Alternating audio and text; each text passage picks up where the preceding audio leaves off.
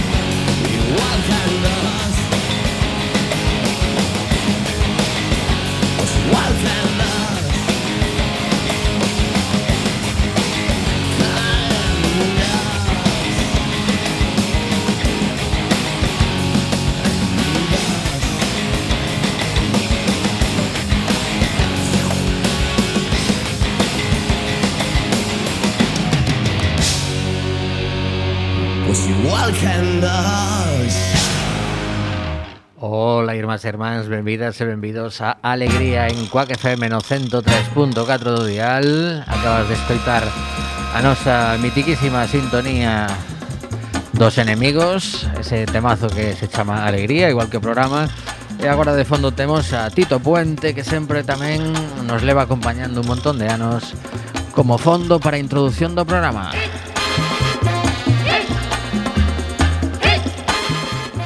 Oxe, eh, o último programa da tempada de Alegría. Levamos 18 en antena emitindo, neste caso, non tantos, pero si moitos Dende o estudio José Couso.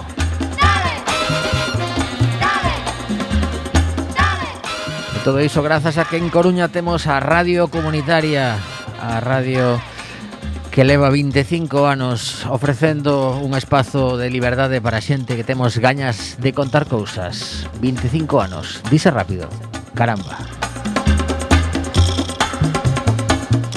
Oxe, o típico día no que escoitarás falar para ben e para mal, para criticalos, para lavalos, para mm, reflexionar sobre os indultos eh, dos presos políticos, para algúns, presos eh, que estaban a piques de romper España para outros, nove persoas que reciben o indulto, como dixeron o termo importante, condicionados.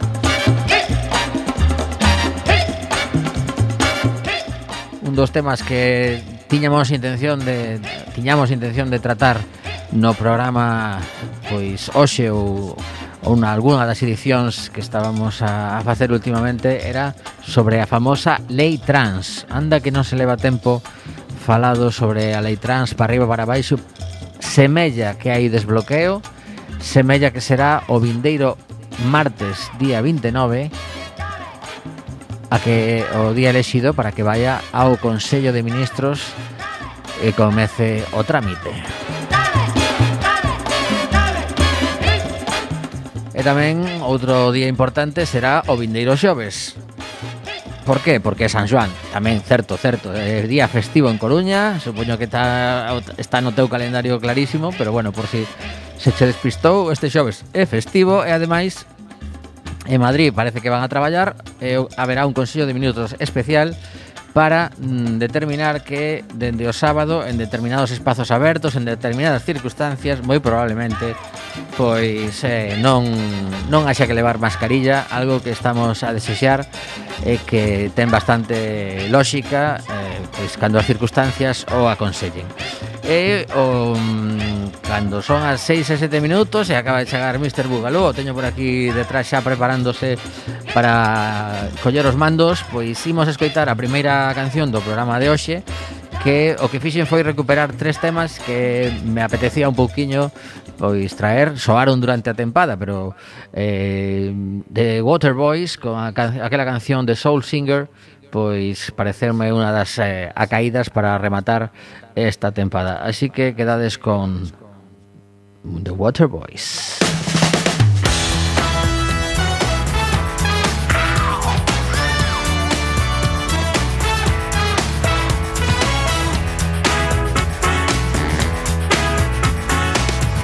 Gets away with being rude.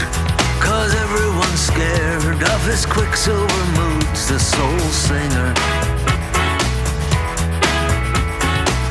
He's been around for 50 years. Every crease of his face is a souvenir, the soul singer. He's seen it all, made move. Dude's got next to nothing left to prove. Climbed through the top, been through the ringer. Ladies and gentlemen, the soul singer likes to grumble, loves to scoff about all of the cats who ripped him off. The soul singer. He's done crazy, he's suffered loss for the life that he lives. He's paid the cost, the soul singer. They call him curmudgeon, say he's a churl. Stories follow him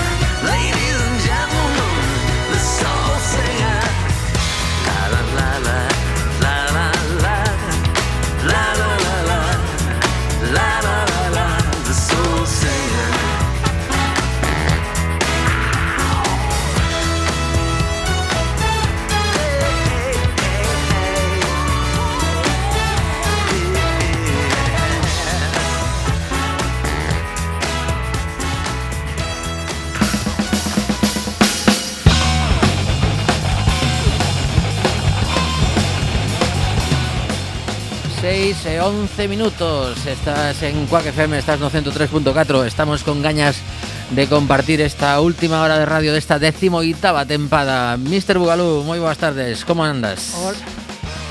Ola, que tal? Oi, que non se me, esco... non me, non me escoito. Pois pues estás, estás. Sí, sí, sei que estou, pero Vale, vale. Pero non porque teña referencia. Ah, eh... Vais un poquinho fondo este, pois pues porque ben, ben. falar un pouco. Ben, ben, non me sí. queixo, non me queixo. Correndo dun sitio para outro, pero Tiveches tempo de estar pendente das novas ao respecto dos indultos, houbo Cristo, non houbo Cristo? Pois eh, non non non estiven non estiven atento, pero supoño que haberá. Home, non vai a haber. Bueno, sí, isto é un clásico, xa sabedes que eh, Aínda que leva como como leva anunciándose semanas, supoño que algo de amortecemento hai. E logo sorpresa, sorpresa, non foi. E logo que, que unha vez máis eu penso que, que unha vez máis pois hai xente que quedan fora de xogo. Falas de Pablo Casado? Eh, pois, por exemplo.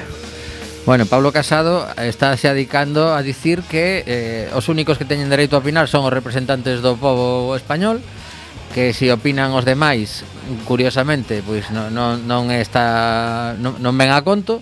Isto, pois, eh, referido en principio, entendo que ao presidente da COE, que de algún xeito dixo que, que era unha fórmula que habería que explorar o dos indultos para ver se si se desbloqueaba un pouco o problema catalán semella que non é único e, e non debeulle gustar a, a Casado. A ver, eu supoño que ah, que tanto representantes da patronal como dos sindicatos, como de calquera outra organización social representativa, pois eles falan no eido, pois, no ámbito da súa representatividade. Non, pre, non penso que o presidente da COE pretenda falar por todos os españois. Penso que Casado tampouco pode. En todo caso, poderá falar polos que lle votaron a él. Sí, eh, que o mellor si facemos cifras a última vez eh, non foi das mellores do Partido Popular Entón, uh, bueno, o que pasa é que eh, é moi curioso porque non paran de acusar a, ao, ao goberno de, de cousas como dun cambio de réxime, non? Eh, da procura dun cambio de réxime e curiosamente eles o que o que contrapoñen sí que supón un auténtico cambio de réxime, quero dicir, Se están en desacordo cos indultos, pois tiveron moitísimas ocasións de modificar a legislación vixente no que se refire a indultos. Non o fixeron. E, de feito, fixeron exercicio de, desa prerrogativa do goberno en varias ocasións, non? Logo, eu penso que neste caso, é unha opinión persoal, penso que están ben aplicados, aínda que iso sexa por razóns de xustiza material. É, é evidente, por exemplo, o Consello de Europa, un organismo do Consello de Europa dicía que eh, bueno, que a posición do Estado español neste caso non fora de todo razoable e mesmo metía a España no mesmo saco un pouco que a Turquía. Carallo, eso... Que un pouco que, que seguramente sexa un pouco exagerado, pero tamén é certo que temos persoas electas, mira, persoas que teñan teñen exactamente a mesma facultade que reivindica o señor Casado, pois que están eh, que están encarcelados. E que ademais eses votantes precisamente unha das cousas que lles prometían era que ian traballar por esa eh, independencia previo ao referéndum. Que eu non dubido que se cometeran delitos, eh, para min si que si que houve un delito canto menos de desobediencia grave, non? Uh -huh. Pero sí que penso que a sedición era excesiva, a, a malser, da para malversación non teño elementos de xuizo suficientes, pero pero o da sedición era unha cousa moi collida polos pelos, nun tipo penal se tiraba dun tipo penal obsoleto. E ademais, a meu xizo eu discrepo, da, xa discrepei no seu día da sentenza do Supremo, para min non se daban todos os elementos do tipo penal. Quero dicir, eh, a interpretación expansiva que se fixo do delito para condenar a esas persoas por sedición era bueno, eh, era tan tan expansiva que ia contra ao meu xito ia contra dereito. Eu penso que tamén eh, iso opera neste caso, penso que o goberno está pensando nun posible revés judicial noutras instancias europeas, non se isto segue así, así se isto prospera. E logo por outro lado, pois os asentes sociais o que din é que eh, non se apagan lumes con gasolina, non? Unha cousa que sabemos todos.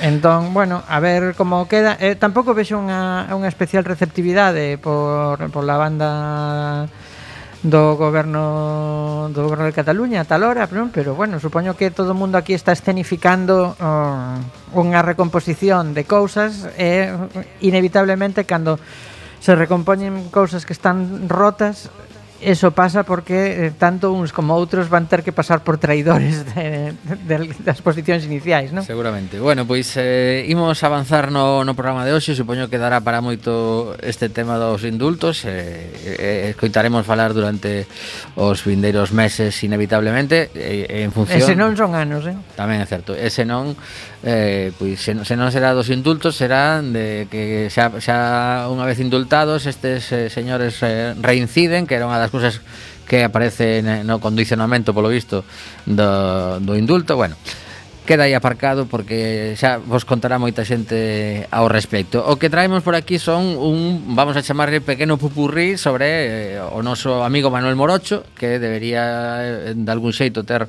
pois o, o protagonismo eh, que, que merece porque eh, o home estivo facendo un esforzo grande pese a todos os carameliños que lle quixeron ofrecer dende diversas instancias do, do goberno e, eh, os seus eh, superiores e decidiu seguir traballando pese a sobrecarga de informes e outros eh, encargos que lle facían.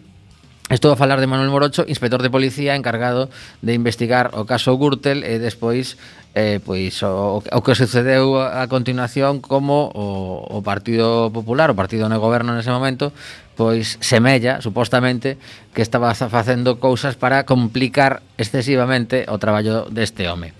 Eh, claro, estivo declarando a semana pasada dous días diferentes, porque o primeiro non chegou, E, e a verdade é que contou unha, unha serie de cousas pois eh, que seguramente a, a moitas persoas das que o estivemos seguindo nos parecen mm, moi graves.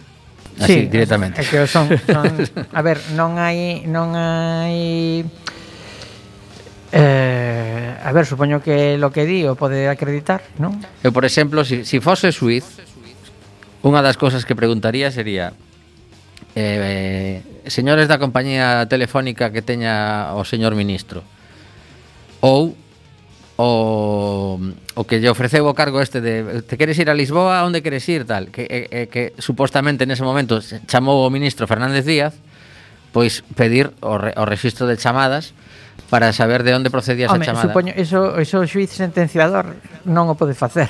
Eso tería, teria que facelo o xuiz instructor. Pero se si estos son datos que antes non estaban ou xa estaba isto Isto supónse que isto está todo sí. xa no sumario. Vale, Por iso vale. este señor é teste, unha testemunha, non? Vale, pero entón queres dicir que isto isto xa, xa xa o declarou previamente. Haberá que ver na sentenza o que se o que o que se consolida como afeitos probados. Ajá pero oh, isto é unha, unha testemunha, unha prova testifical. Esta, este persoa está chamada a, a declarar como a testemunha e suponse que o que di o di eh, baixo xuramento e que o que di é certo. Uh -huh. Bueno, pues lembremos que este home comentaba que quixeron apartalo da operación de, de información eh, que estaba a buscar sobre o caso Gürtel.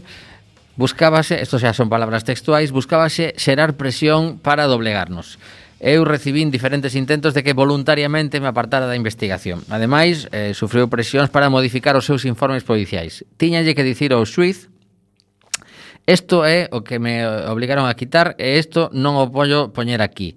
No anexo era onde metía eu as cousas, porque polo visto os anexos non pasaban polo filtro previo dos seus superiores. Entón, cando lle mandaban quitar nomes como por exemplo Mariano Rajoy o, o, o a ministra Mato, pois eh, el, el colaba no nun anexo. Claro, pero isto queres dicir que aí había unha instrucción en marcha, ¿no? un xuicio instructor que quería saber cousas, este señor estaba levando investigación mm. e, por tanto, notificaba ao xuicio instructor todas estas cousas. Pero como tiña superiores dentro da policía, pois pues, superiores facían eh, a súa a súa presión, supónse que eh, incitados por alguén, eh, para que esas eh, informacións que lle chegaban ao Suiz fosen modificadas ou incluso determinadas persoas eliminadas dos informes que este eh, Manuel Morocho afirma que eh, conseguía, non sei se sempre, colar nos anexos. A ver, se os colaban os anexos estarán ali.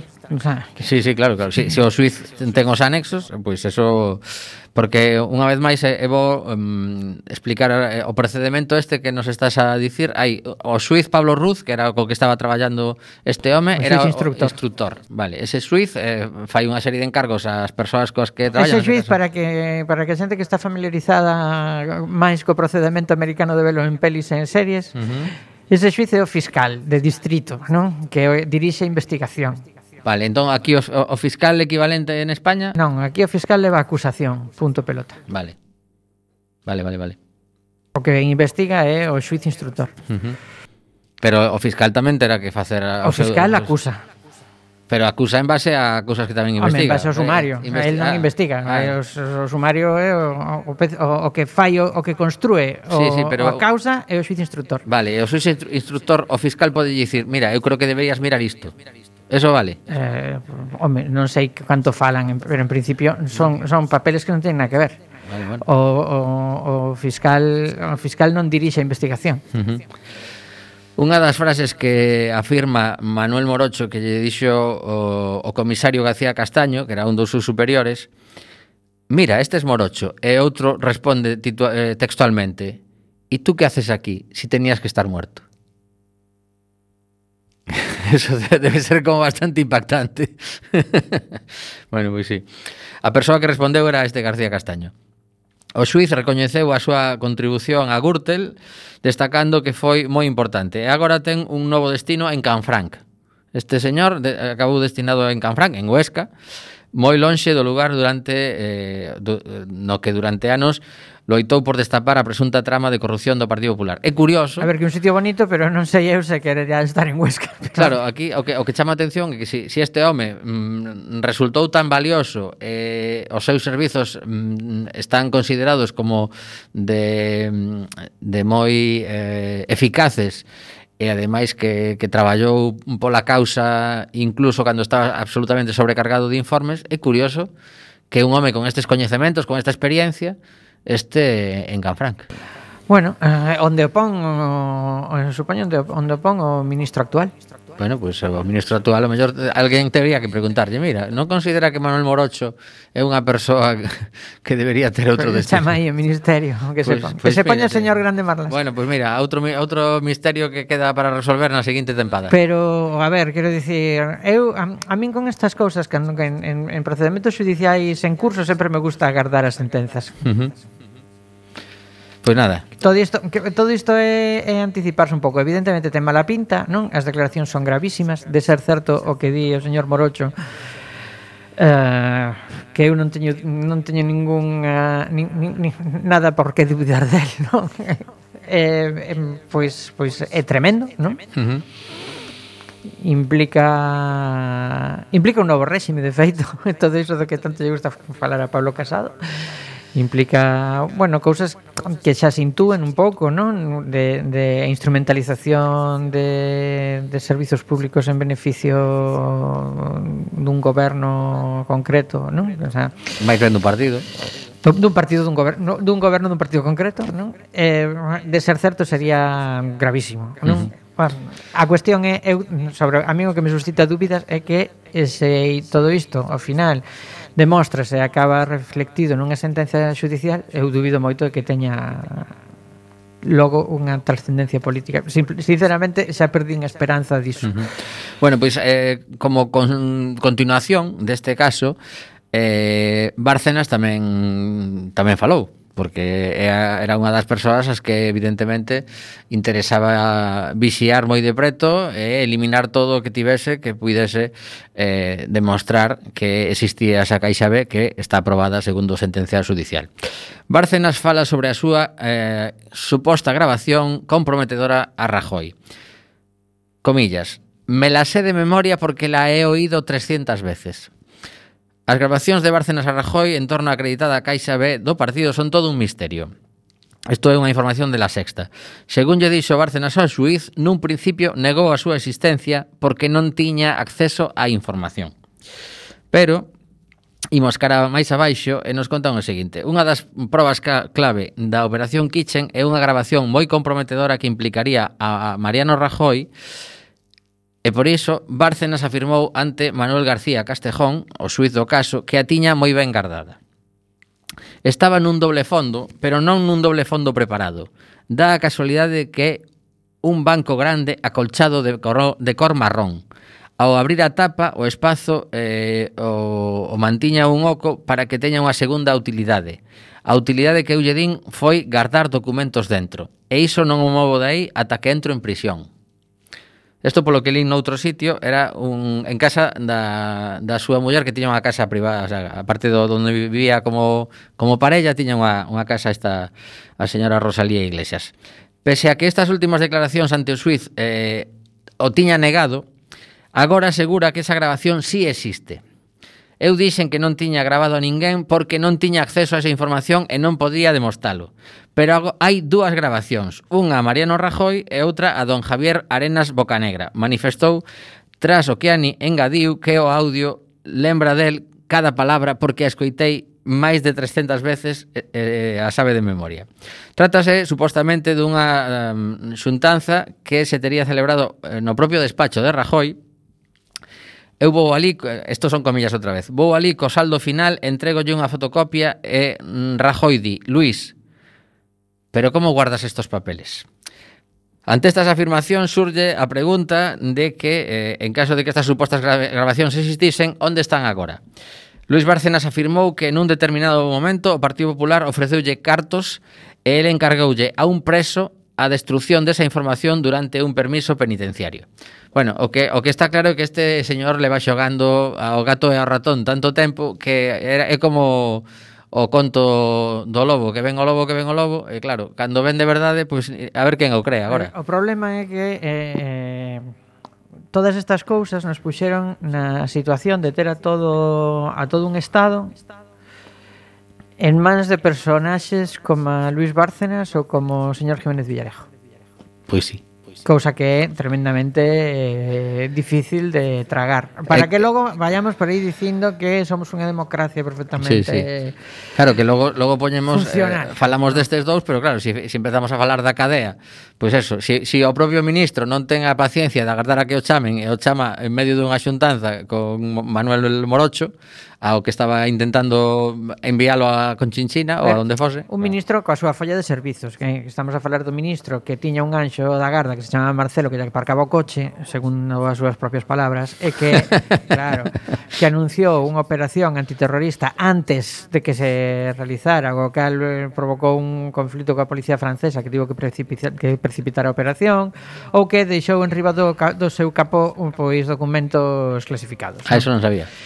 É un, era un señor peculiar. Despistado, dirías ti, ou, ou non sei, torpe? Non sei, non, non, non, non me aventuro a poñer outro calificativo, vale. pero, pero quero dicir, uh, caramba, que, que era pintoresco era, eh? pero... Uh -huh. Non sei, o sea... Mm, O certo é que eh, pasaron cousas que nun estado de dereito normal non deberían ter pasado. Uh -huh. Bueno, imos continuar co programa, si temos por aí un, unha música de fondo, teños aquí eh, algunhas novas antes da, da entrevista que imos facer hoxe a unha das persoas que está implicada na, na plataforma que defende eh, a supresión ou polo menos unha reducción importante do turismo de transatlánticos no mundo. Houbo a pasada semana unha serie de manifestacións en varias cidades porque considera que, que eh, eh, a contaminación que provocan é eh, moi da, eh, dañina, dañina para os océanos. Por lo tanto, eh, adicaremos a última parte do programa a esa conversa, pero antes teño aquí algunhas novas que non quería deixar de comentar. Por exemplo, Eh, sabemos que os bancos teñen esa habilidade de anunciar pois eh, imos despedir a 7000 persoas, por dicir un, unha cifra. Bueno, pois aquí eh, a, a raíz das, das manifestacións que empezaron a, a convocar os sindicatos que, que teñen representación nos diversos bancos, vai sucedendo o que calquera que saiba un pouquiño por experiencia de como funcionan estas cousas tiña previsto. Caixa, titular de, de, dunha páxina web que é eh, elconfidencial.com dentro do seu apartado de temas bancarios e económicos. CaixaBank, comillas, salva a outros 450 empregados do ERE e baixa o impacto ata 6.950. Total, que isto é o típico xogo de canto, a ver, cantos queremos despedir desta vez? 5.000, vale. Cantos dicimos que se van despedir? 8.000, vale. Pois veña, dicimos 8.000, saen todos os medios, Logo ao final imos baixando pouco a pouco, imos eh, flexibilizando a negociación, acabamos despedindo a 5500 e quedamos como dios. Porque eh, claro, o tito, Home, como o, dios, como dios eu non diría, eh. Pois pues, eh, eles seguramente dirán que queda bastante ben, porque como o como, como están sendo están sendo flexibles. Cantos beneficios deu CaixaBank o ano pasado? Pois pues moitos, pero non non teño por aquí a cifra. Non, non, te, non te podo dicir, pero, pero como, como sabemos que esa concentración de bancos o que está a provocar é que se pechen oficinas, precisamente a, a oficina na que coa que FM tiña a súa conta, xa vai dúas veces que as pechan e, e, e teño que andar buscando onde está a conta bancaria porque non aparece. o sea que imaginadevos eh, o que pode o que pode suceder en, en pequenas localidades do desa España vaciada se non hai ninguén que diga non, non, non, aquí por normativa eh, hai que ter eh, polo menos un, unha delegación non, algo. Non tes fallo, xa ponga pasta o xa ponga posta o sector público. Sí, sí, non, eh, bueno, é unha das novas que, que non non, tro, non trouxen hoxe porque non nos ia dar tempo, pero sí que é certo que hai unha, unha proposta de que a Xunta de Galicia aporte cartos para que haxa unha atención eh, por parte das, eh, das eh, entidades bancarias no, no rural durante unhas horas a semana polo menos para non deixalos abandonados, que mandan chover na Habana. Bueno, aparte de habilitar espazos públicos para situar os caixeiros automáticos e toda unha serie de cousas. O caso é que eh, as contas de resultados de quen interesa non se resintan. Exacto. É que Pasa o mesmo coa luz, por certo. Pois mira, falando da luz, ah, imos imos con un tema da, da luz. Anticorrupción pide imputar ao presidente de Iberdrola polos traballos de Villarejo, Villarejo para a eléctrica.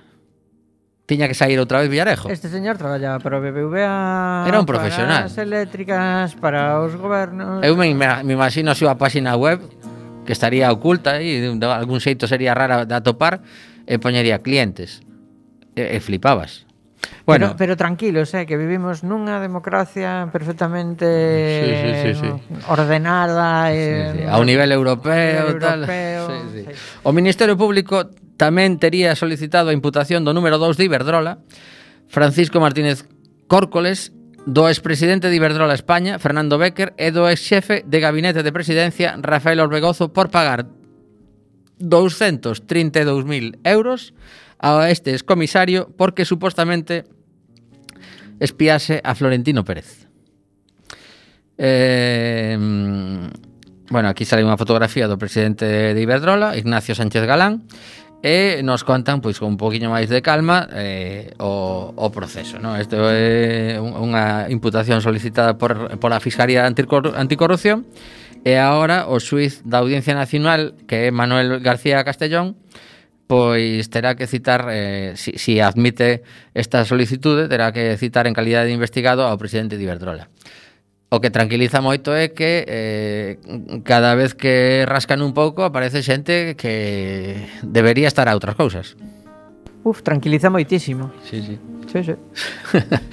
bueno, pois eh, teño aquí a última a última nova deste deste bloque así un pouco popurrí Eh, o goberno de España propón zonas de uso prioritario para a eólica mariña no oeste de Cabo Silleiro e o noroeste de Ortegalia a Mariña. E resulta que eh, dentro desta proposta hai aquí, bueno, unha serie de documentación e eh, o Ministerio para a Transición Ecolóxica vende iniciar a exposición pública e dá de prazo ata 25 de xuño. 25 de xuño este venres. Quero dicir con isto que son prazos moi curtos para unha, unha normativa moi complexa e precisamente esta mañán está, bueno, esta, esta nova é xa de hai un par de semanas, eh?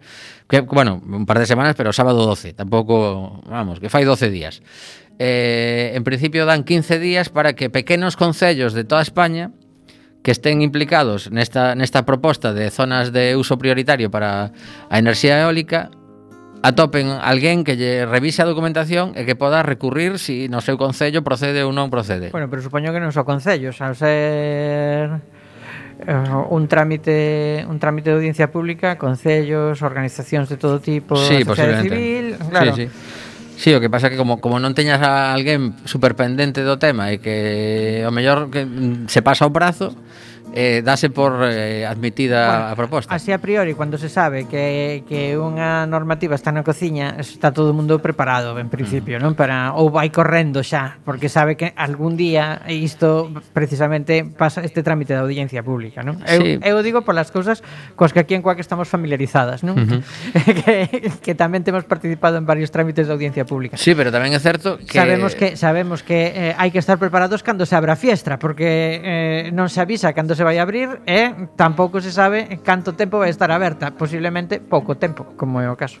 Claro, ti eh, o que o que eu me plantexaba cando falaba con con a persoa esta mañán é eh, ata que punto eh, pois eh, a, algúns concellos pequeniños que hai moitísimos que teñen un funcionariado moi reducido a e tal, ver, teñen capacidade. Concello, cando un concello sabe que lle están estudando a posibilidade de poñerlle na súa costa unha infraestructura e está en contra, pois terá que topar, terá que poñerse a traballar antes, non? Quero dicir, bueno, se ver, as organizacións ecoloxistas seguramente levan traballando niso tempo, están preparadas, e se, se por exemplo, Coac FM a, a través dos seus órganos e de, e de as asociacións as que pertence está preparada cando se abre a Lei Xeral de Comunicación Audiovisual, cando hai que facer os deberes, quero dicir, ti tes que estar atento e saber que cando se trata de algo que te vai afectar directamente. Aínda uh -huh. así, Eu supoño que sempre os trámites de audiencia eh, canto máis amplos, anunciados con tempo e cando os procesos son máis transparentes, pois eh, serven para o que están concebidos, e que en esencia que é para garantizar a transparencia das normas, non? Uh -huh. Bueno, imos continuar avanzando con un dos temas eh, estrelas na nosa cidade que é o mercado inmobiliario e agora semella que hai unha pequena, bueno, pues vamos a chamar eh, disparidade de, de enfoque en canto ao que nos contan dende a Voz de Galicia ou La Opinión a Coruña, por exemplo. Hoxe mm, entrei a ver as dúas páxinas web, na da voz non teño acceso a toda a nova porque é para suscriptores, entón simplemente podo, podo ler o titular e un pouquiño que como comeza. Eh, a, a, fala, a, no, a nova falanos de As casas do millón de euros en A Coruña. Dous puntos. Os 30 chalés que resumen a cara prohibitiva do boom inmobiliario. E a nova comeza así. Unha de cada tres vivendas unifamiliares máis caras da provincia están na nosa comarca. O sector inmobiliario está vivindo unha sorte de época dourada tras a irrupción da pandemia. O ladrillo volvese a contemplar como un valor e ata aí podo ler, porque non estou suscrito. A, burbu a burbulla está de volta. E que nos contan en la opinión? Comprar un piso para reformar costa case un 40% menos que un en bo estado. O aforro nunha vivenda que necesite obras en Galicia ronda os 65.000 euros, frente aos 38.400 da media. E nos conta tamén que as vivendas usadas en venda eh, supoñen eh, aproximadamente un 15% eh, requerirían que entren albañiles ali a facer algún tipo de, de melloras porque non estarían habitables. A ver, é eh, un pouco tramposo que la opinión de A Coruña utilice as medias galegas para dar unha imaxe do mercado inmobiliario. Eu só digo iso. Porque porque entran as vivendas do Incio, eh, a, a... Conste que está, estamos en, en información de Galicia, eh. Ah, bueno, non información A Coruña. Eh. Vale, pero no. pero do que se está falando estes días na Coruña do que se está falando, non? Sí, Dos, sí, de, sí. de certos desenvolvementos urbanísticos bastante polémicos como o de Percebeiras ou uh -huh. da Maestranza, non?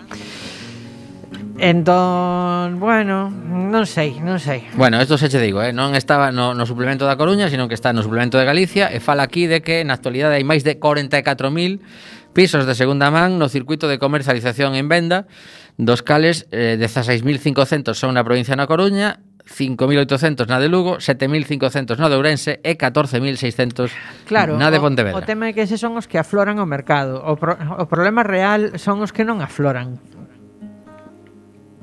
Sí, sí. Non? Porque estamos falando de que de 44.000 vivendas no mercado, non? Sí. Estamos falando de que hai cerca de 20.000 vivendas só na Coruña.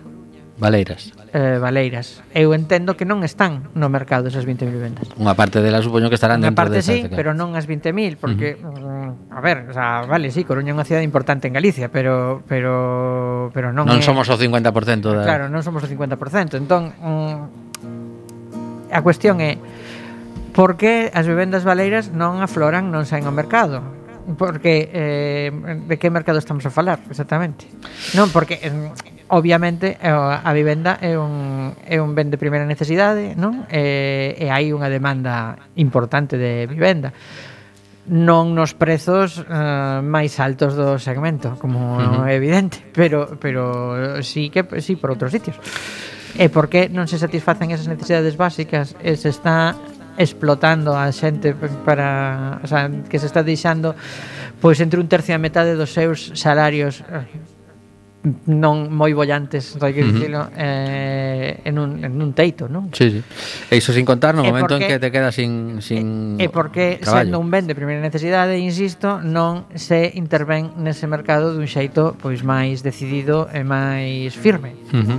Sobre todo cando falamos do goberno máis progresista da historia. Pois eh, a 6.41 despedimos este bloque de novas dicindo que o Premio Torrente Ballester de Narrativa da Deputación da Coruña eh, recibiu 407 orixinais. Ni máis ni menos. 330... Mariano, espera un segundiño que imos poñer a canción eh, e despois eh, facemos a, chamada para a entrevista. 330 orixinais recibidos en castelán, 77 en galego. Aí queda o dato para reflexión, con, sendo un, un concurso convocado pola Deputación da Coruña. Xa teñen traballo a xente do xurado. Min que hago en 10. Bueno, pois escoitamos a Mabel Flores, que é unha das mulleres que trouxemos ao longo desta tempada e que o seu novo disco eh, Meraki, pois a verdade que, que me gustou moito e paga pena eh, esta Mujer Incendio é o que nos separa da entrevista do programa de hoxe. Imos alá. Mabel Flores.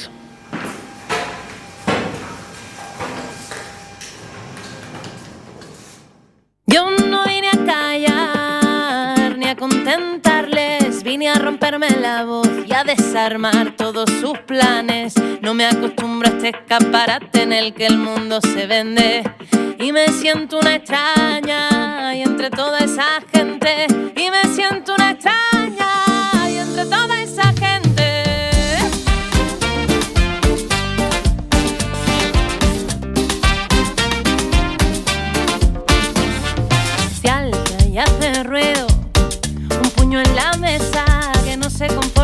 sin futuro en el que se valora más la imagen y la apariencia que el talento de las personas. Ya las canciones machistas las premian con Grammy y les colocan la alfombra. Ya las canciones machistas les colocan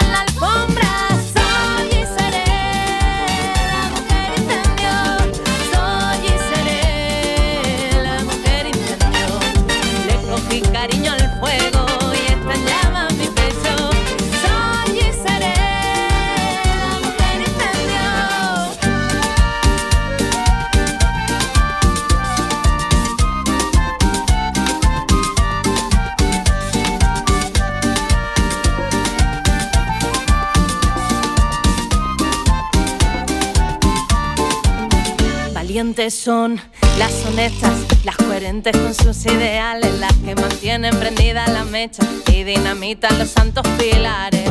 A prueba de hoguera estamos, no nos comparen, no cumplimos los canones. La bruja que llevo por dentro me llama y a escuchar las señales.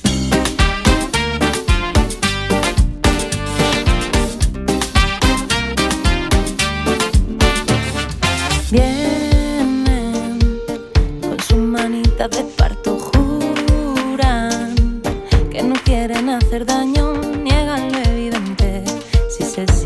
Señalados y por amar a su madre ya se sienten aliados. No, no hemos venido a alegrarles la vida,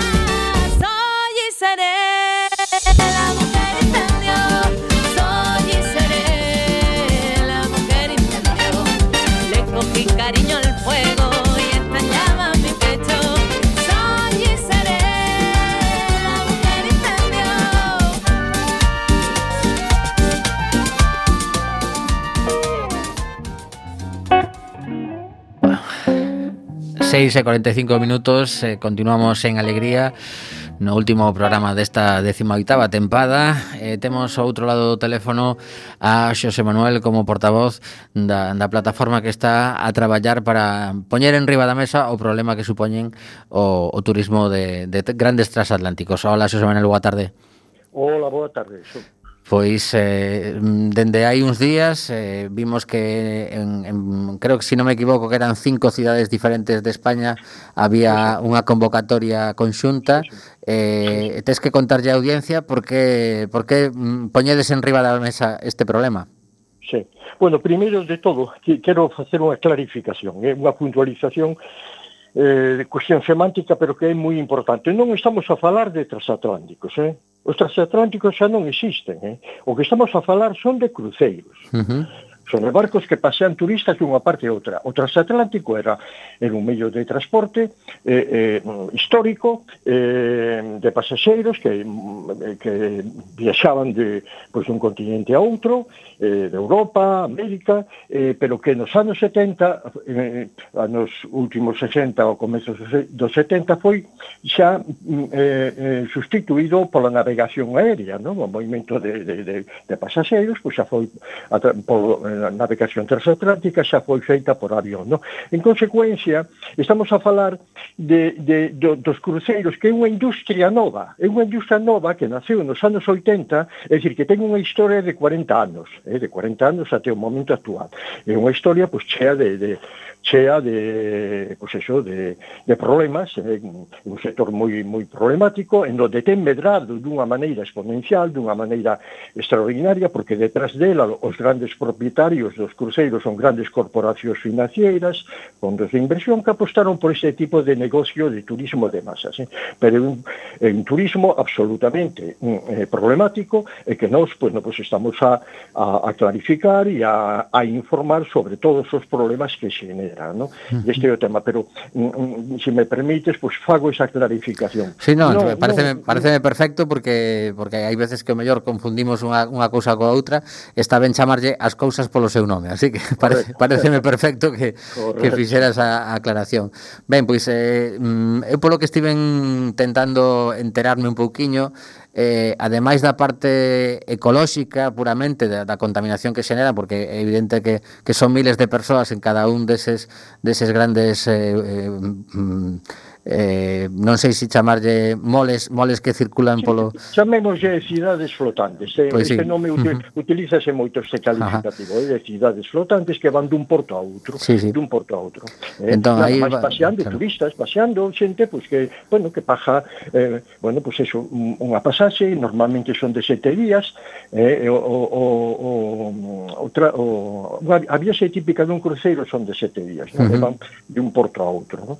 pero claro, eh, un, un, tipo de, de, de, navegación de barco, eh, en donde, bueno, pues eh, un megacruceiro, como estamos unha e outra vez en este momento a, a dar datos, un megacruceiro consume pues, 250 toneladas de fuel oil ao día, que é un combustible eh, que é un combustible fósil, eh, o fuel pesado é un combustible fósil eh, eh, o, o máis barato e contaminante dos combustibles. Entón, eh, non se entende, non se entende en este momento eh, en donde mm, o, o propio goberno español, en donde ten un ministerio de transición ecolóxica, eh, eh, de, eh, que xa o di a palabra, no? de transición a enerxías limpas, e que está defendendo eh, o, o Pacto Verde Europeo da Comisión Europea, que, que suscribiu o Pacto eh, o Cúmio do Clima de París do ano 2015. Bueno, pois pues, todo todo a, a, a todos os organismos internacionais e o goberno español, repito, pois están orientados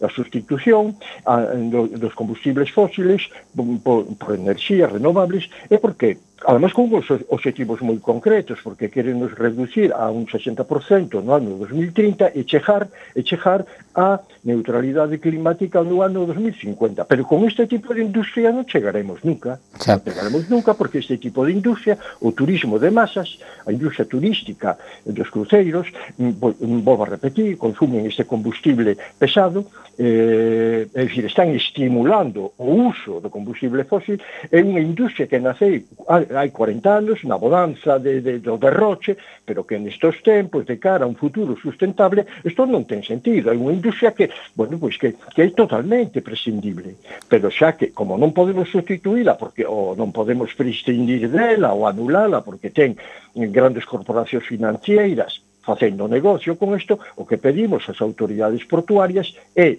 un seguimento de un estrito control das normas de protección ambiental. Isto é o que nos vamos a facer fincapé, ¿no? De maneira que cando entren, pois non nos contaminen o aire que respiramos, porque este, este combustible sólido, este combustible de, de, de, do fuelo, o que fai é emitir emisións contaminantes á atmósfera e, ademais, efecto invernadoiro, o e con elas pois, están acelerando o cambio climático. É, dicir, é unha industria que no momento actual non hai por onde collela, non, non se xustifica. É que non se xustifica. O sea, unha pregunta, porque ao mellor eh, isto eh, é algo que se me acaba de ocurrir e, eh, digo unha, unha barbaridade. Cando chegan a porto este tipo de, de, de buques, o que o que fan é estar unha serie de horas, hai, hai estancias sí. máis longas e outras máis curtas, pois ao mellor sí. pois seis horas están no, sí, no porto sí, da nosa cidade.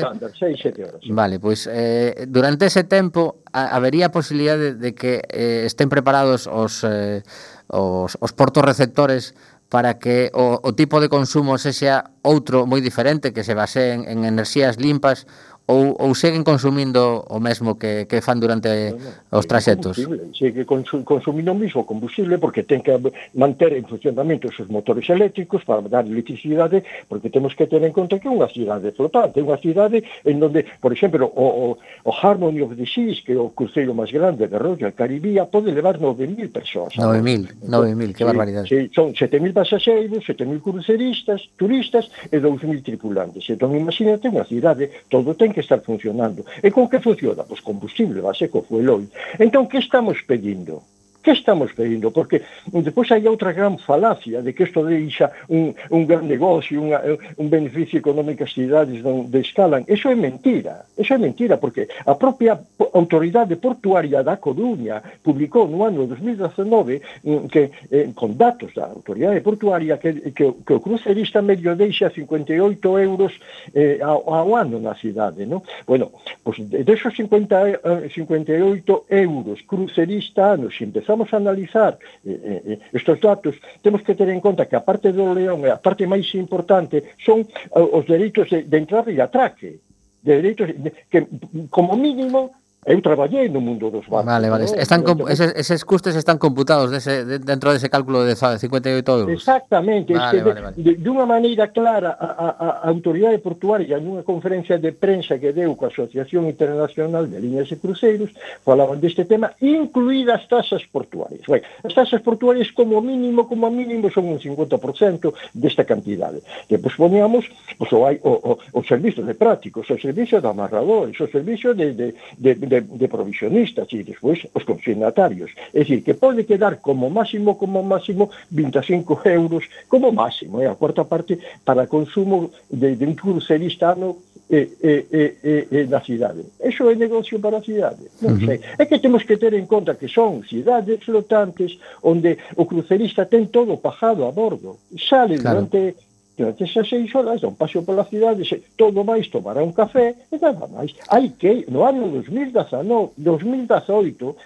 a Asociación de, de, de, de, de Comerciantes dos Centros da Coruña facían unhas, unhas, unhas declaracións moi explícitas, moi claras, dicindo que chejaban eh, eh, remexían todo, o sea, miraban todos os artículos na, na, nas tendas, pero non compraban nada, non compraban sí, sí. nada porque daqui van a Vigo, despois va, fan escala no, en Porto, despois fan escala en Lisboa, despois van para o Mediterráneo, é dicir, teñe todo pasado a bordo, pasean, farán unha excursión a Santiago, etcétera, etcétera. Sí, sí.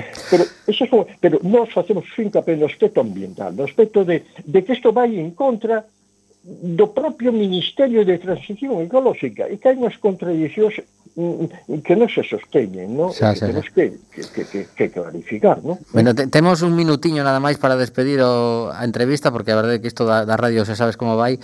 Eh, non sei se si conseguíchedes algún, ou solicitachedes algún tipo de xuntanza a nivel ministerial para poñer isto en riba da mesa e, e traballar conjuntamente con, con alguén do Ministerio para que reflexionen seriamente sobre isto e que nos vindeiros o sea, nos deseamos algún tipo de cambio.